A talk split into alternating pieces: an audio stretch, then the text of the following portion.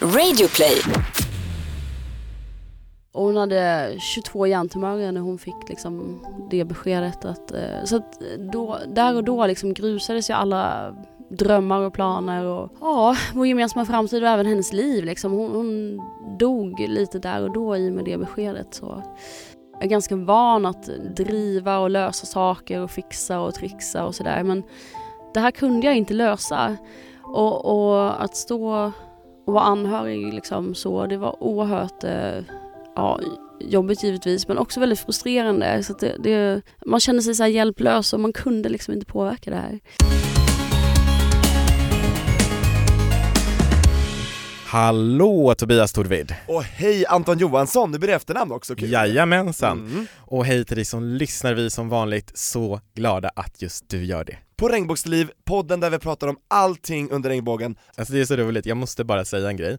För att när Tobias säger allting under regnbågen så målar han en regnbåge med sina händer. Jag målar med alla färger i en vind som Pocahontas. Det får vi nästan lägga ut på Insta-story. Och på tal om det, följ oss jättegärna där för mycket mer bakom kulisserna, alla tidigare bilder och gäster, det finns där, Regnbågsliv, Instagram och Facebook får Ja, och vi har faktiskt haft så här, jag och Tobias har haft någonting så seriöst som ett produktionsmöte, visst heter det så? Ja, jag hoppas det inte låter för Nej, osexigt. det låter jätteosexigt, men det här handlar om att vi har suttit och pratat om vad vi ska göra med podden framåt och hur vi ska utveckla den och då har vi kommit på att vi måste bli mycket bättre på sociala medier. Jag tycker vi ska satsa på Instagram och Facebook alltså. Absolut, det ska vi Mm. göra. Och vi är över 4000, det var ett tag sedan, men jag vill tacka så mycket för det på Instagram, så kul! Kan vi få upp Facebook är jag egentligen tacksam också. Absolut, och då, då ska vi, det ska vi verkligen jobba för. Så om du har någon idéer på vad vi ska göra där, ska vi köra någon Q&A? Ska vi göra någon Livesända. grejer? Ja, det finns hur mycket som helst vi kan göra, så skriv till oss, Regnbågsliv heter vi där. Och på tal om sociala medier, vi har fått in en fråga här i påan. Ja, och det är inte vilken fråga som helst, för det är inte vilken dag som helst idag. Vet du vilken dag det är? Det är den 11 oktober, Och det är International Coming Out Day! och Yay! internationella kom ut-dagen på svenska! Ja men det är det. Grattis, grattis till oss alla som har kommit ut och till oss alla som ska komma ut. Jag firar eh, nio år som utkommen. Hur många år firar du? Nio, så är det nio år? Nio år som Oj utkommen. oj oj, alltså grejen är det som är problemet för mig är att jag har inget riktigt så här coming out moment. Jag har samlat vänner och bekanta och så, det har bara liksom blivit helt naturligt. Mm. Och det är ju helt fantastiskt att det kan vara så. Jag hade också egentligen velat ha någon sån här komma ut-dag. Det här är dagen jag kom ut, varför har jag inte fått det? Men Anton, kan inte det bli idag då? Nej men jag här har i podden, nu kommer Anton ut! Ja men På kanske. riktigt? Ja nu gör jag det. I'm coming out, kan man ha den i bakgrunden? I want the world to know Diana Ross, yeah yeah Yeah, nu ska vi inte sjunga, då förlorar vi lyssnare tror jag. Nej det tror jag inte. Nej, Men, okej. men eh, vi har Men fått det- en fråga på det här. Jo, hallå regnbågsliv, jag planerar att komma ut för mina föräldrar som bisexuell nu på torsdag 11 oktober då det är komma ut-dagen. Jag vet dock inte hur jag ska göra det. Vill gärna göra det på ett lite komiskt sätt och undrar om ni har några tips. Kram på er hjärta. Så vad tänker vi Anton? Ko- Ett- Något komiskt sätt? Ja, komiskt, vad menar man med komiskt? För det kan ju vara, alltså parodi, att man gör det jättedramatiskt Ja tänker jag det, just det, just det. Eller komiskt att det ska vara något slags, man klär ut sig, jag vet inte vad man, Ja. det, man eller vad tänker du? En grej som jag kom på nu, som man skulle kunna göra, eller den här, den här personen skulle kunna göra, Berätta. är att ge lite ledtrådar i huset. Man skriver en lapp Tipsrunda! Ja, man skriver en lapp vid eh, köksbordet och då kanske frågan är så här att eh, som refererar till någon eh, bisexuell person som man kanske börjar ana lite där eh, och sen leder det till ett annat rum, kanske kylskåpet. Att, och där står det, eh, inte vet jag, honung för det kommer från bin. Och, och där liksom, alltså det liksom blir Ja, en liten jag. rolig tipsrunda och sen på slutet där så står du själv i rummet. Mm. Då kanske sista så här, öppna dörren så ska ni få träffa någon som är bisexuell. Och där står du! Var det en rolig idé? Ja exakt, du ska få träffa ett, ett, bi, Nu ska du få Ja. träffa ett livslevande bi.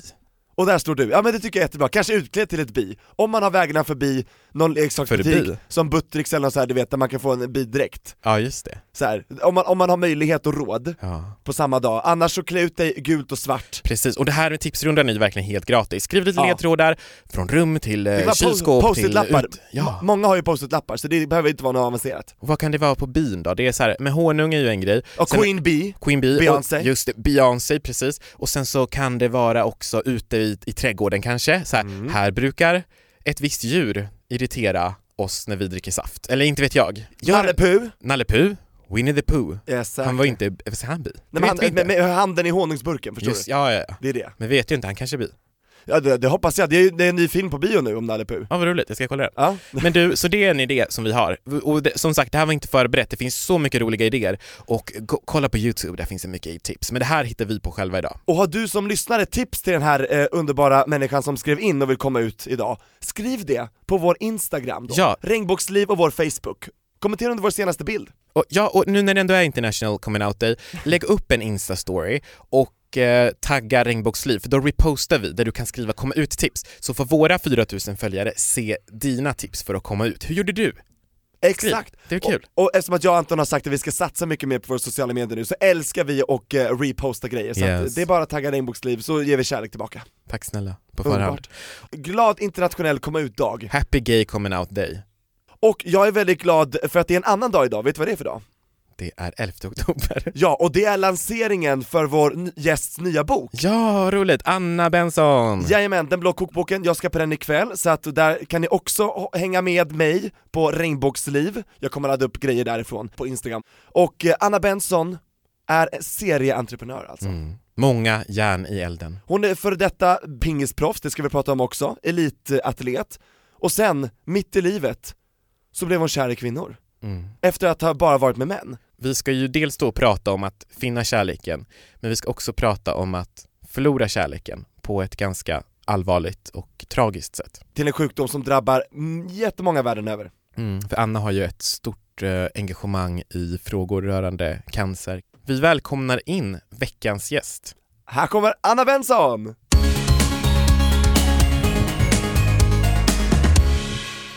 Och här är hon, serieentreprenören Anna Benson! Välkommen! Ja, tack snälla, vilken fantastisk välkomnande. Ja men eller Ja. hur, det, det är nästan så att eh, man får slut på ord när man ska beskriva dig. Är det så illa? Du, nej, det är bra! Och det är väldigt bra för Tobias brukar inte få slut på ord, eller hur? Nej precis, och jag brukar inte träffa någon som har fler jobb än jag själv. Det är Men fri- kommer fler superfrilans. kanske. Ja, ja, så är det. underbart. Ja. Och du är inte ens 35 år fyllda. Men snart, men snart vill jag. Snart är hur, hur ska du fira det liksom? Du vet det, jag ska faktiskt ner till Småland för första gången. Så jag brukar, jag är inte så bra på att fira mina högtider, men, eh, eller liksom mina högtider, men, men eh, ja precis. Men så här högtider överhuvudtaget liksom, för jag har bott mycket utomlands och hela den biten. Och gör fortfarande det? Du, Ja. du ska ju till Barcelona efter det här. Mm, precis, jag bor i Barcelona. Men eh, nej men så för första gången på typ 20 år ska jag fira.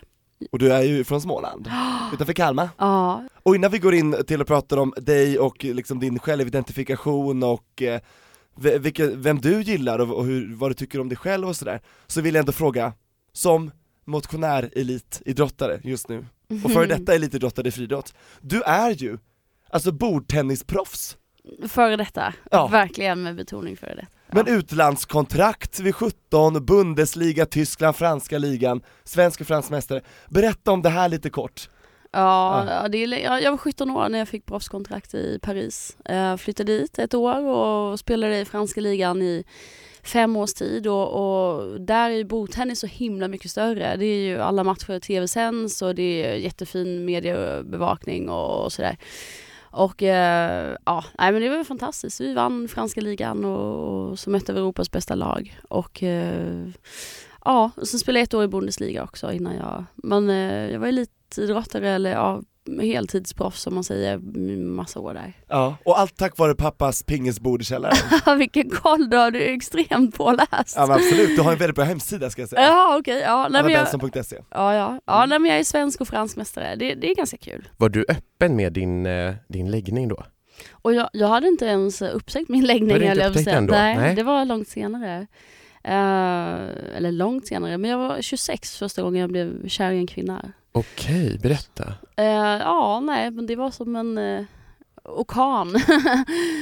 Hela liksom min värld, ja, nej, men jag trodde att jag var på ett visst sätt och, och, och eh, ja, så var det ju inte riktigt då. Jag hade ganska svårt att acceptera det för mig själv, att jag blev förälskad i en kvinna eller någon med, med ja, samma kön så att säga. Så då hade ju varit tillsammans med män och träffat en hel del män innan. Så, så det, var, det var stort så. Men eh, när jag väl eh, liksom ja, accepterade det för mig själv så var det ju det mest fantastiska verkligen och en helt ny värld öppnade sig och, och dubbelt så stort utbud brukar jag säga. Eh, men sen dess har jag varit med kvinnor så att eh, ja, nej, det, det, var liksom inget att, att be för. Jag blev så himla eh, stormförälskad verkligen i en kvinna då. Hon var dubbelt så gammal som mig så det var, det var väldigt speciellt liksom på olika sätt också. Wow, berätta mötet, var var det? Minns du liksom hur det luktade, hur det såg ut liksom? Om vi tar oss tillbaks till det här ögonblicket Oh, ja, det, det var inte riktigt så. Det, det smög sig på lite grann för eh, jag bodde i Miami då och eh, hade väldigt mycket, det var ju en svensk kvinna då, men hon, hon, eh, hon var väldigt så på, hörde av sig mycket och jag tänkte vad vill hon så? och, och eh, ja, nej men vi, vi bodde ganska nära så att vi hade mycket kontakt så kring, kring boendet och hemmet i Sverige och sådär. Så, eh, ja, hon var väldigt så här, kontaktsökande.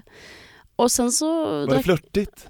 Det förstod jag ju inte då riktigt för att det, den världen liksom fanns inte riktigt för mig då och jag kunde inte för mitt liv förstå att någon, någon ville liksom flörta med mig av, av, eh, av samma kön. Så att Mm, det, ja, jag blev väldigt så här. Sen så träffades vi några gånger när jag kom hem och, och vi åt eh, middagar och drack vin och hade det jättetrevligt och så.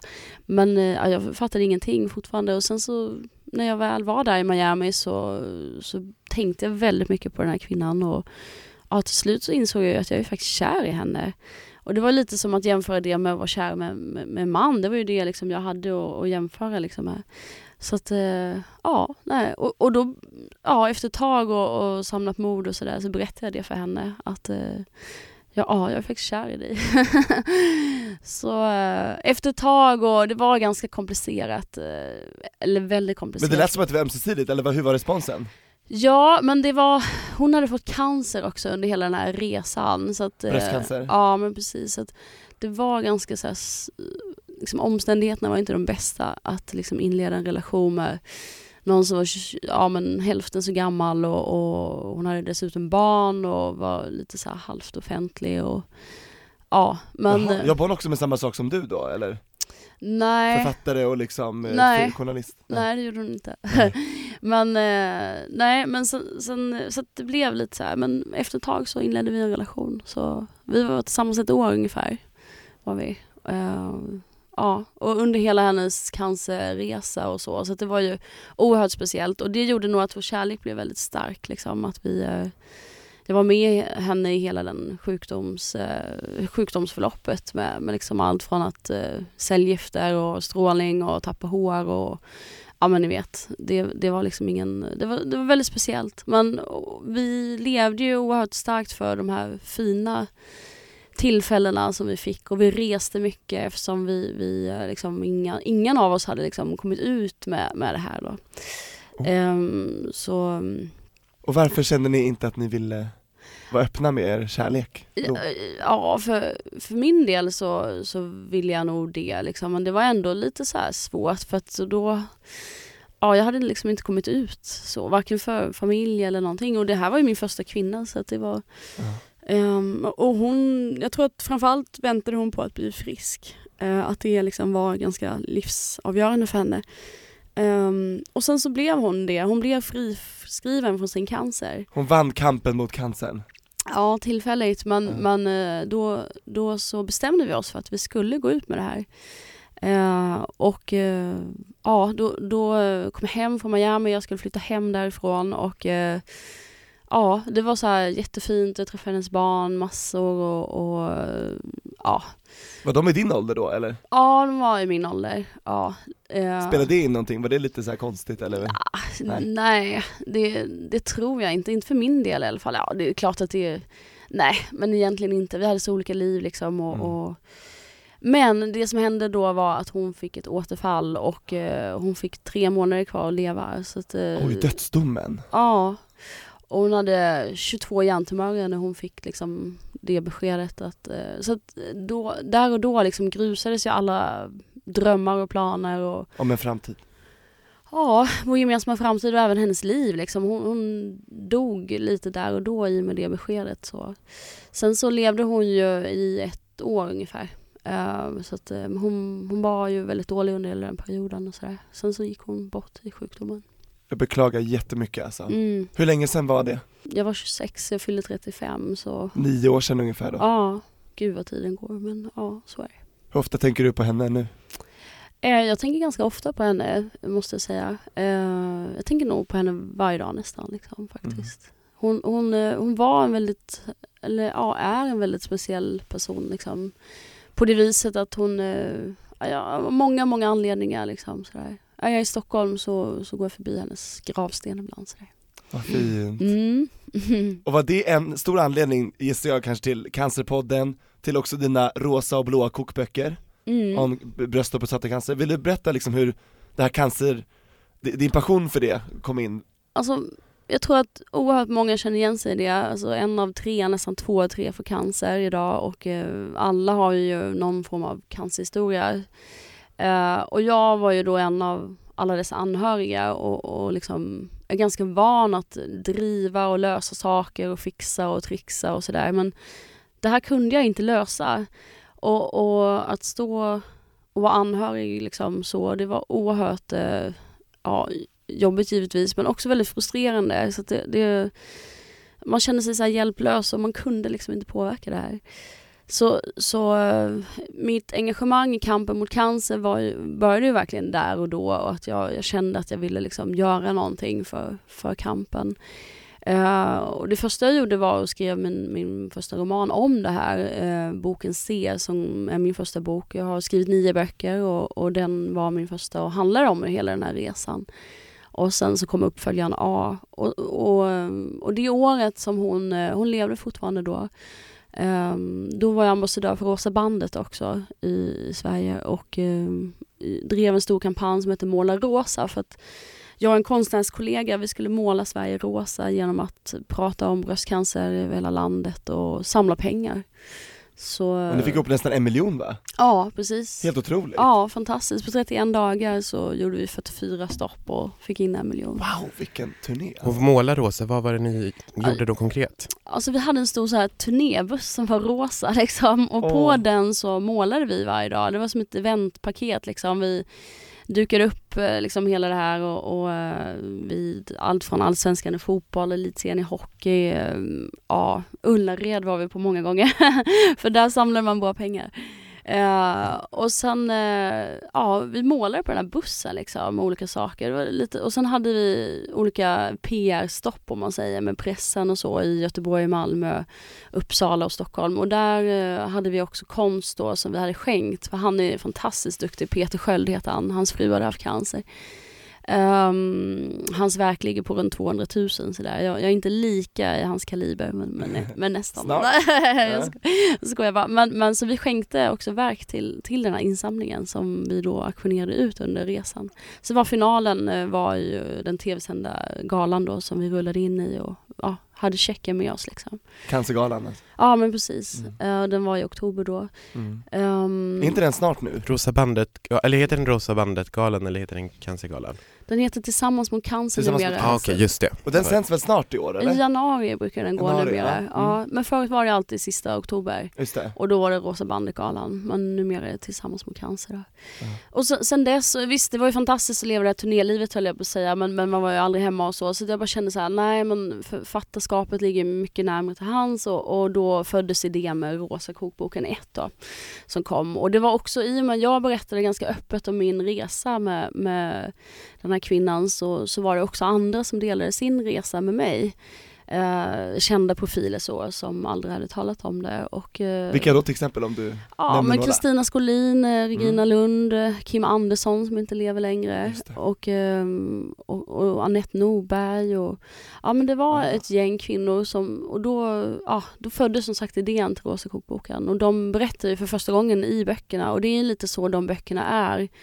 Så det är extremt högt nyhetsvärde i dem för att det, det har blivit så att, att eh, ja, de vill vara med och liksom samla pengar och, och i, och med det är högt nyhetsvärde så, så, skrivs det mycket och det hörs mycket kring böckerna och eh, ja, vi får in en massa pengar liksom. Jättebra, och de delar med sig av sina recept också? Ja men precis, konceptet är att jag med en fotograf åker hem till de här profilerna och sen så lagar vi deras paradrecept på bild. Mm. Och det är ju jättekul liksom så, samtidigt som det ändå är väldigt allvarligt för, för då intervjuar jag dem under tiden om deras eh, liksom, tankar kring eh, mat och, och hälsa och, och träning och, och, också deras möte med cancer då.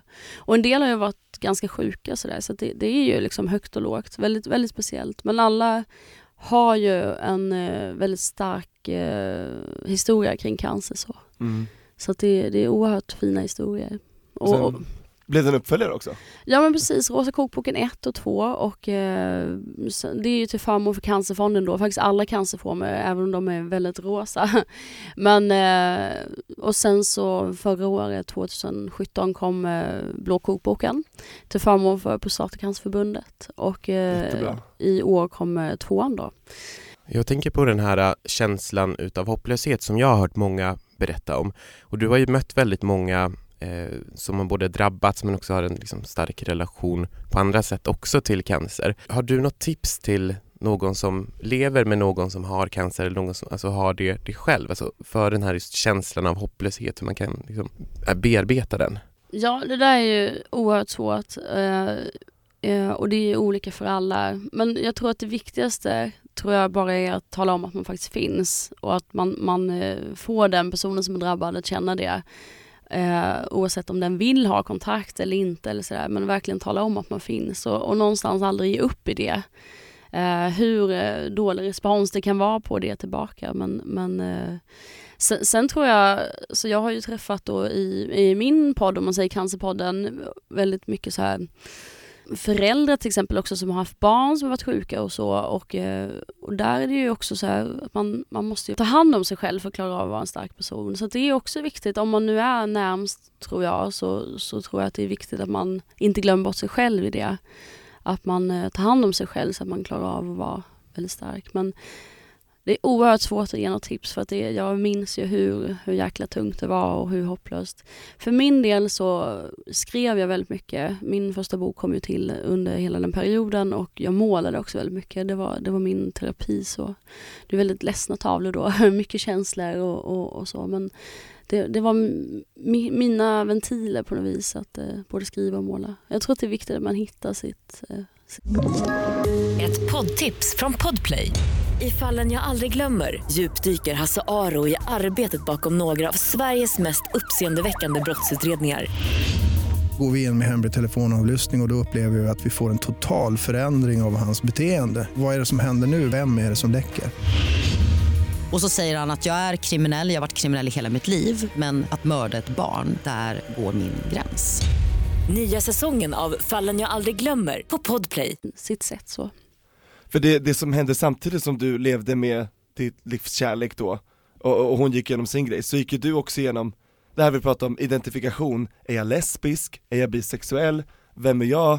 Alltså hur, hur, hur, hur mycket spelade den roll i allt det här utan att, eh, förstår du vad jag menar? Du hade liksom jättemycket att tänka på, jättemycket att bearbeta samtidigt. Mm, det, alltså, jag minns så väl, för jag hade ju inte berättat hur jag kände för den här kvinnan då, eller för, för, det var två, tre vänner, mina, mina absolut närmsta, de visste om hela hela resan. Men alla andra, och jag har ett ganska stort eh, kompisgäng och, och ja, men, jättefin familj och sådär liksom. Men, men eh, jag, hade, jag hade inte klarat av att berätta för dem under ett års tid. Så det var ju så här, jag kände mig så hemsk för att jag var hemlig och, och det var så här vita lögner ibland och, och liksom det var varför man inte kunde eller var tvungen att gå och sådär. Vad bottnade rädslan i då? Varför inte? Berätta. Ehm, det var framförallt, alltså jag ville ju men det var framförallt för att skydda hennes identitet och hela, mm. hela det, var, det var verkligen hennes beslut och som sagt hon var halvt offentlig och det var hennes barn och, och så det var, det var verkligen för hennes skull så. Sen så när vi hade bestämt oss och när hon fick sin dödsdom så då kände jag att då, då rasade hela min värld någonstans och då, då spelade det ingen roll längre. Då var det så oerhört sekundärt eller liksom på tionde plats i sammanhanget för då handlade det bara om att hon skulle dö. Så. Och då var det det som var fokus. Och jag, jag minns väldigt väl när jag ringde min pappa och eh, han, bodde, eller han bor i Småland och jag bodde i Stockholm då. Uh, och då kände jag verkligen så att ja, jag bryr mig verkligen inte vad han säger. Eh, tycker han att det är, är, är liksom något knäppt i det så, så spelar det ingen roll alls. Och han tyckte ju absolut inte det var, han satte sig i bilen direkt och åkte upp fem timmar och, och, och bara tog hand om mig för att jag var så ledsen och, och att hon skulle dö då och sådär.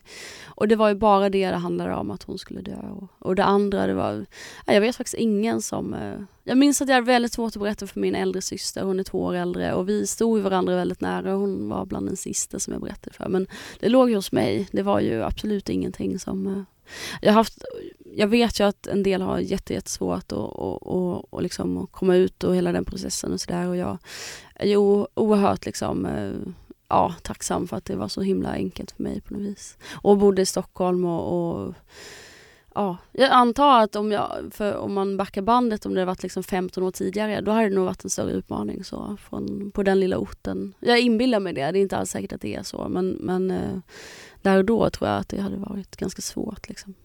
Hur, går du, hur har du gått vidare efter en sån förlust? Och våga älska igen? Och våga bejaka din sexualitet fortsatt liksom? Um, ja, jo men jag blev ju förälskad igen och, och var tillsammans med en tjej i uh, nästan fyra år efter det. Uh, och, uh, Hur var det liksom? Ja, alltså jag tänker så här, när, när det tog slut så var det väldigt tungt på något vis och då kom nog det, det med min första kvinna in. För det, ja, jag hade inte riktigt bearbetat hela den grejen och då, då kom det tillbaka på något sätt och då Ja, det var väldigt tungt sådär. Jag blev tokdumpad. ja, min, min tjej där. Uh, så det var jättejobbigt faktiskt. Hur då, på sms eller på? På telefon liksom, efter ganska många år. Att det är inte okej? Okay, vi, vi, hade haft det väldigt dåligt så det, det var nog ganska bra att hon, eh, hon, hon hade träffat någon annan sådär så det var, det var inget kul alls. Nej. Jag kommer ihåg, jag, skulle, jag höll på att göra Rosa kokboken 2 då, så jag skulle hem till Maria Montesami på eftermiddagen och dagen efter skulle jag baka så här, eh, power muffins med, med Isabellas gruppgård. Oh, så det var så här, jag var inte riktigt in the mood så jag kommer ihåg jag grät med Maria Montesami och jag grät med Isabellas grupper som var väldigt trevlig och, jag kan se det framför mig. Det är lugnt Anna. Ja det känns ändå som en bra person, alltså en av de bättre att åka hem till. En helt harmlös person liksom. Ja. Vill du ha mitt vin? Vi kan hälla upp ja, vin. men de, de, är fantastiska båda två. Mm. Det var liksom inte riktigt den, den eh, tanken, glädjen i det liksom på något vis för jag var så ledsen men det blev väldigt fina bilder. Det ja och, och, eh, boken blev jättefin men, men eh, det var ganska tungt här. Hur långt det tog det att bearbeta den förlusten? Ja men det tog, ja nej det,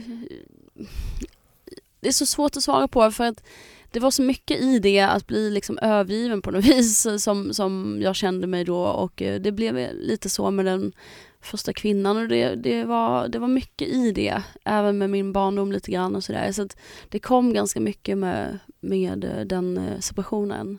Kände du mycket, alltså har du blivit övergiven som barn också eller? Så här? Ja, jag tappade kontakten med min mamma när jag var 17 så, När så... du flyttade ut, eller flyttade och fick proffskontraktet och Nej, allt det, var, eller? eller förlåt när jag var 16 så det var innan. Ja. Eh, mm. Så vi har inte haft kontakt sedan dess och, och har precis börjat ta upp kontakten igen.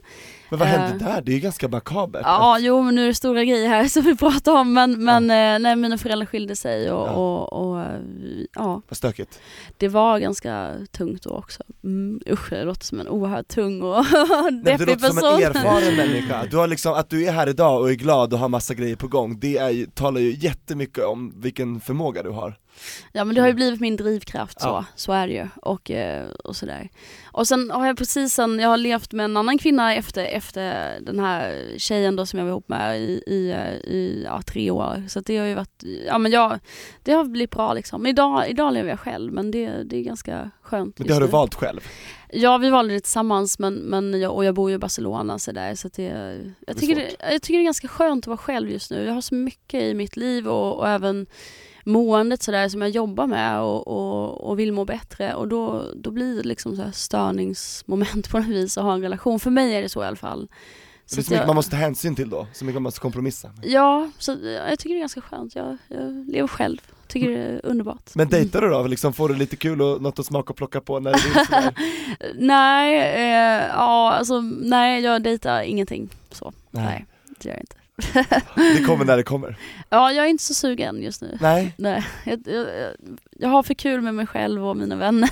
Och det låter jättebra. Sen har jag en underbar liten hund som ger mig massa kärlek. Ja, hunden? K, en dvärgschnauzer. Ja, och hon, hon, jag skulle nästan tagit med henne här för att vi ska Ja, för ut hon, och hon, hon följer med överallt. Ja, hon brukar, alltså jag var väldigt nära och vet du, hon är faktiskt i bilen under tiden vi sitter här. Åh nej, jag som Ja. ville att de skulle komma hit. Ja, Anton ni älskar hundar, hans det? familj har ju massa hundar. Vad är det för raser hundar? Dvärgpinscher och liksom fågelhundar.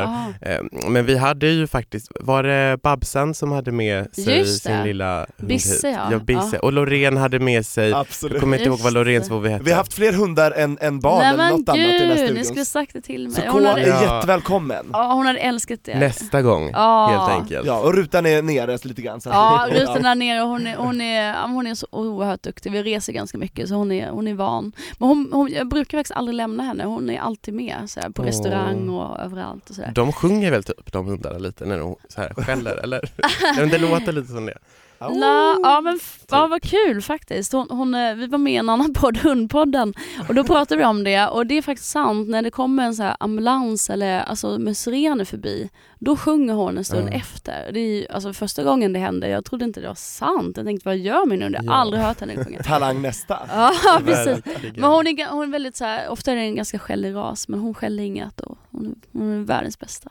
Underbar. Och det är så här, är det travel size? Alltså, så Ja men precis, under i, 8 kilo. i, så, På flygplanet kan ja, man, i en kabinväska. Ja. Och hon är resen, hon var, hon var barn liksom, eller ja, valp. Så det är inget traumatiskt, det är inget Ni hör ju, det är mitt, mitt barn. Så att det är Ja, så det är ett här. barn utan att behöva vara partner. Ja, Men det är bästa av världar. Men vill du ha, vill du ha mänskliga barn också? Ja, det drömmer jag om faktiskt. Ja, faktiskt. Ja, ja. Är det åka till Danmark och bli inseminerad eller, eller vill du Ja, ha eller i Barcelona. det Barcelona också? Ja. ja, men, eh, jo, men jag drömmer faktiskt om det. Eh, jag är väldigt sugen på att bli, bli mamma faktiskt. Mm. Eh, men, men måste bara må lite bättre först själv. Ja.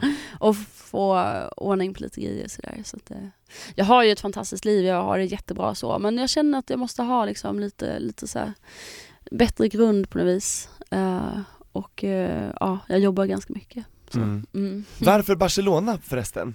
Ja, varför inte? Ja, eller hur? Bästa svaret. Jag älskar Barcelona. Jag älskar Ja. ju Madrid mer än Barcelona. Gör du det? Jag är Nej. till Madrid. Det är förstår det inte jag. sant? Jag Nej, jag måste ha inte. havet och, och älska att gå längs havet och springa Mm. längs havet och nej, jag tycker det är... Alltså Och du Barcelona... kan spanska? Nej, jag, ja, nej det kan jag verkligen inte. Jag pluggade två år i min ungdom, men jag är ganska Hola, bra på språk. estas? Ja precis. Jag kan flytande franska efter alla år som i Paris då, men, Just det. men Hjälper det till i Barcelona? Ja, för det är katalanska, så det är Mm, ganska blandning. nära. Ja, precis. Det är lite så. Men jag ska absolut, eh, jag har hållit på att renovera min, min, min drömlägenhet nu ett tag. Så att, eh, och nu innebär det liksom att jag kommer verkligen vara kvar där. Så att nu, nu ska jag börja plugga spanska. Kommer du gå full on Gaudi? Att det blir Ja, det, såhär- det är jag nog redan, fast jag har ingen här sagoton hemma i lägenheten. Och det är det vore det jättekul. Ja, faktiskt. Men Slott jag, till K. Ja, nej, jag har min egen konst i, i, eh, i lägenheten. Nak, Ja. Nakna kvinnor. Ja, Ja. Här, vilken härlig stämning det måste vara att gå in där då. Ja, jag har en sån här cool trappuppgång. Vi är bara fem stycken i mitt hus och, och jag bor högst upp och sen så har jag även en fantastisk terrass som liksom är planet ovanför. Och i trappuppgången har jag nu gjort om och där hänger min konst hela vägen upp och det är ganska coolt så. Det är som ett galleri i eh, lägen, alltså i trappuppgången eh, med snygg belysning och sådär. Så att, ja, det är lite, det är, det Får man är, komma och kolla? det är inte Gaudi, det vore ju hemskt mot honom att säga så. Men det är lite så här coolt ändå. Du är så välkommen, Ja verkligen. men tack, jag vill jättegärna se det. Underbart. Ja. Och du vet, det Ja, finns ju de som gör fittavgjutningar också, som konst. Ja, är det jo. någonting för dig att... Nej det tror jag inte. Ja, man, man ska aldrig säga aldrig. Jag Nej. brukar aldrig göra det. Men, men, eh, och jag, jag brukar varken säga aldrig eller göra fittavgjutningar. När, när vi hade ett event så hade vi med en, eh, en, en konstnär som gör det Ja. faktiskt. Det är det jag är det tänkte på. Hon sant? gjorde det. Ja. Hon gjorde det? Så gjorde På det plats? Sex personer valde att göra det Nej. på plats. Jo. Så det det var väldigt kallt så här, och sen så Wow. sitter man där, sen så stelnar det, sen så får man sin fitta hem. Ah, wow. Jag, jag, liksom, jag är ganska, ganska nöjd med hur jag ser ut men jag är inte så att jag skulle vilja göra någon avgjutning Ja, av den. Det känns ju väldigt Regina Lund och så väldigt Ja, undrar om hon inte har gjort det, det tror har hon hon har gjort säkert. Du lät lite Ja. som Kristina Skolin när du sa det. Ja exakt, det är väldigt Kristina och Regina och ha sin vagina.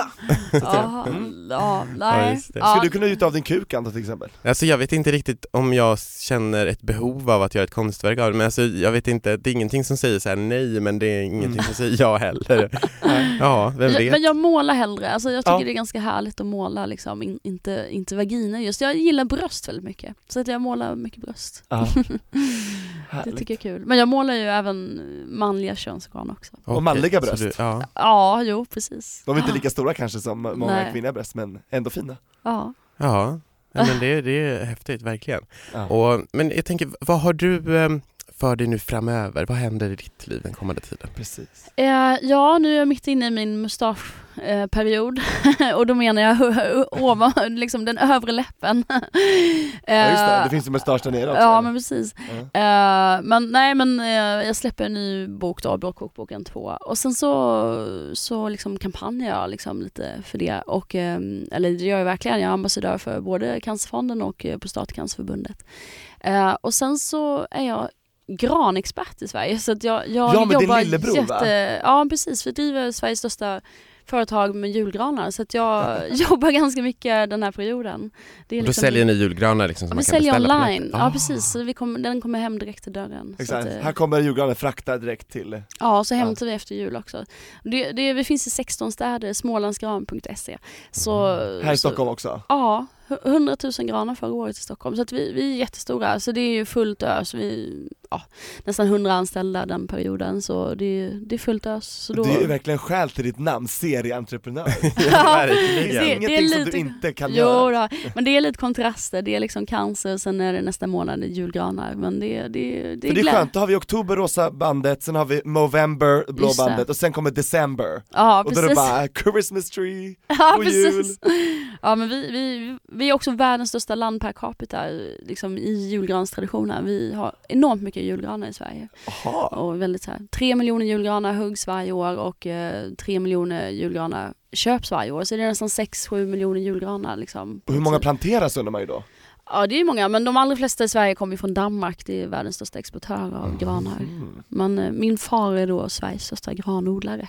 Mm. Härligt. Så det är verkligen Siggesbo. små- Ja precis, vilken koll har. Mm. Jag har aldrig blivit intervjuad, jag har blivit intervjuad ganska många gånger men aldrig av någon som är så påläst. Nej men tusen tack Anna, du är en Wow. underbar människa att Men intervjua. Siggesbo bara att du kommer ihåg. Jajamän. Du har ganska bra minne Tobias. Jag har ju det, mellan Vilken- Kalmar och Karlskrona. ja jag, jag men minns ju. precis. Jag har ju varit ute och rest också. Så att, Jag, eh, jag blir helt varm i hjärtat när du säger min gamla, gamla Siggesbo, det är ju fyra grannar. Det är inte, var inte många där men det var en fin, fin uppväxt verkligen. ja. Ja, vad härligt. Åh, Anna Benson alltså, man kan ju prata med dig hur mycket som helst för du har ju verkligen gjort hur mycket som helst och de har väldigt mycket kvar att göra. Eh, Vad är det du skulle vilja liksom, vad är det du drömmer om?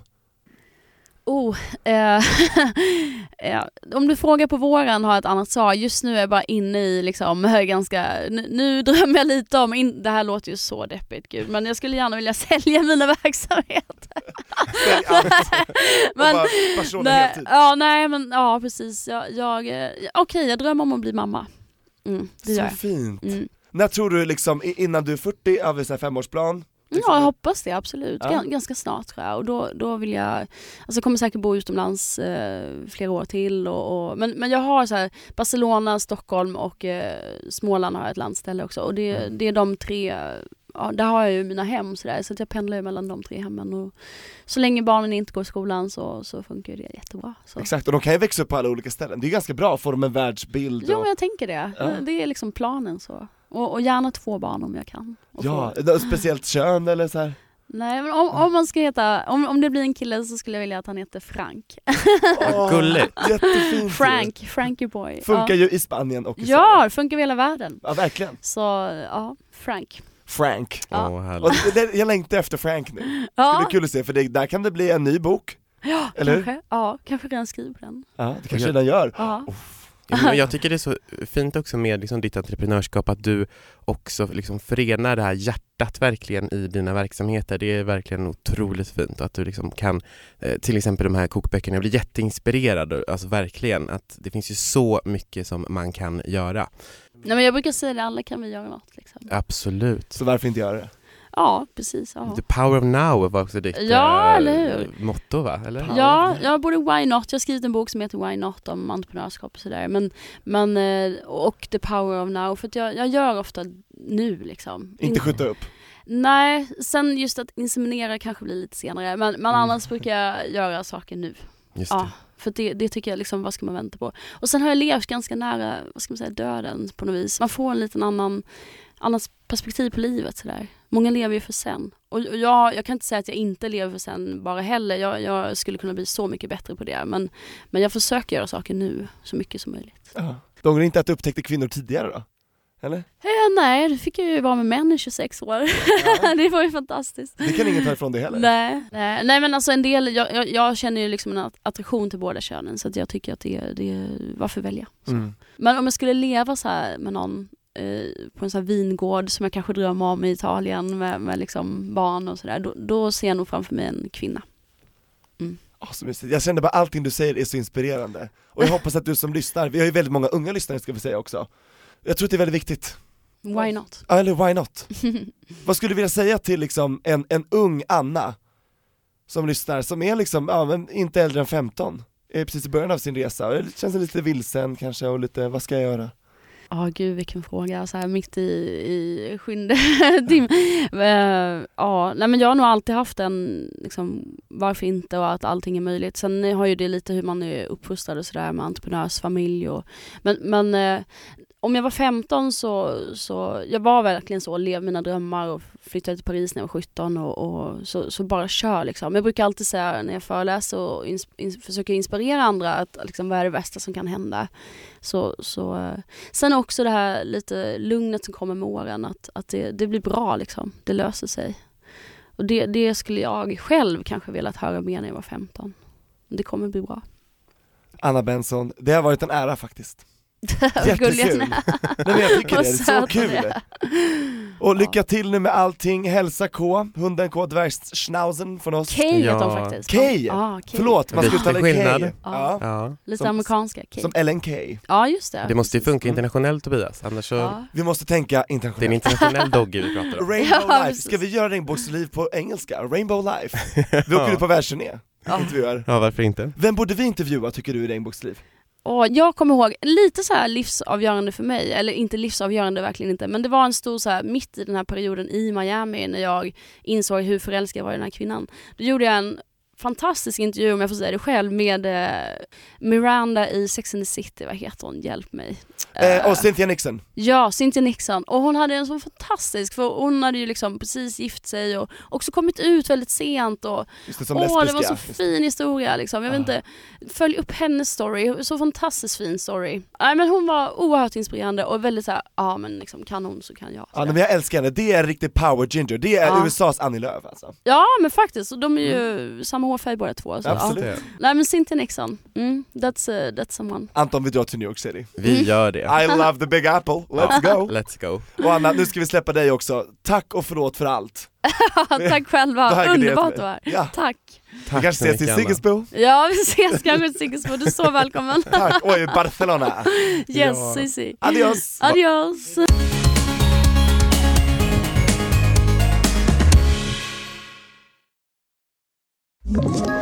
Ett poddtips från Podplay. I podden Något Kaiko garanterar östgötarna Brutti och jag, Davva, dig en stor dos skratt. Där följer jag pladask för köttätandet igen. Man är lite som en jävla vampyr. Man har fått lite blodsmak och då måste man ha mer. Udda spaningar, fängslande anekdoter och en och annan arg rant.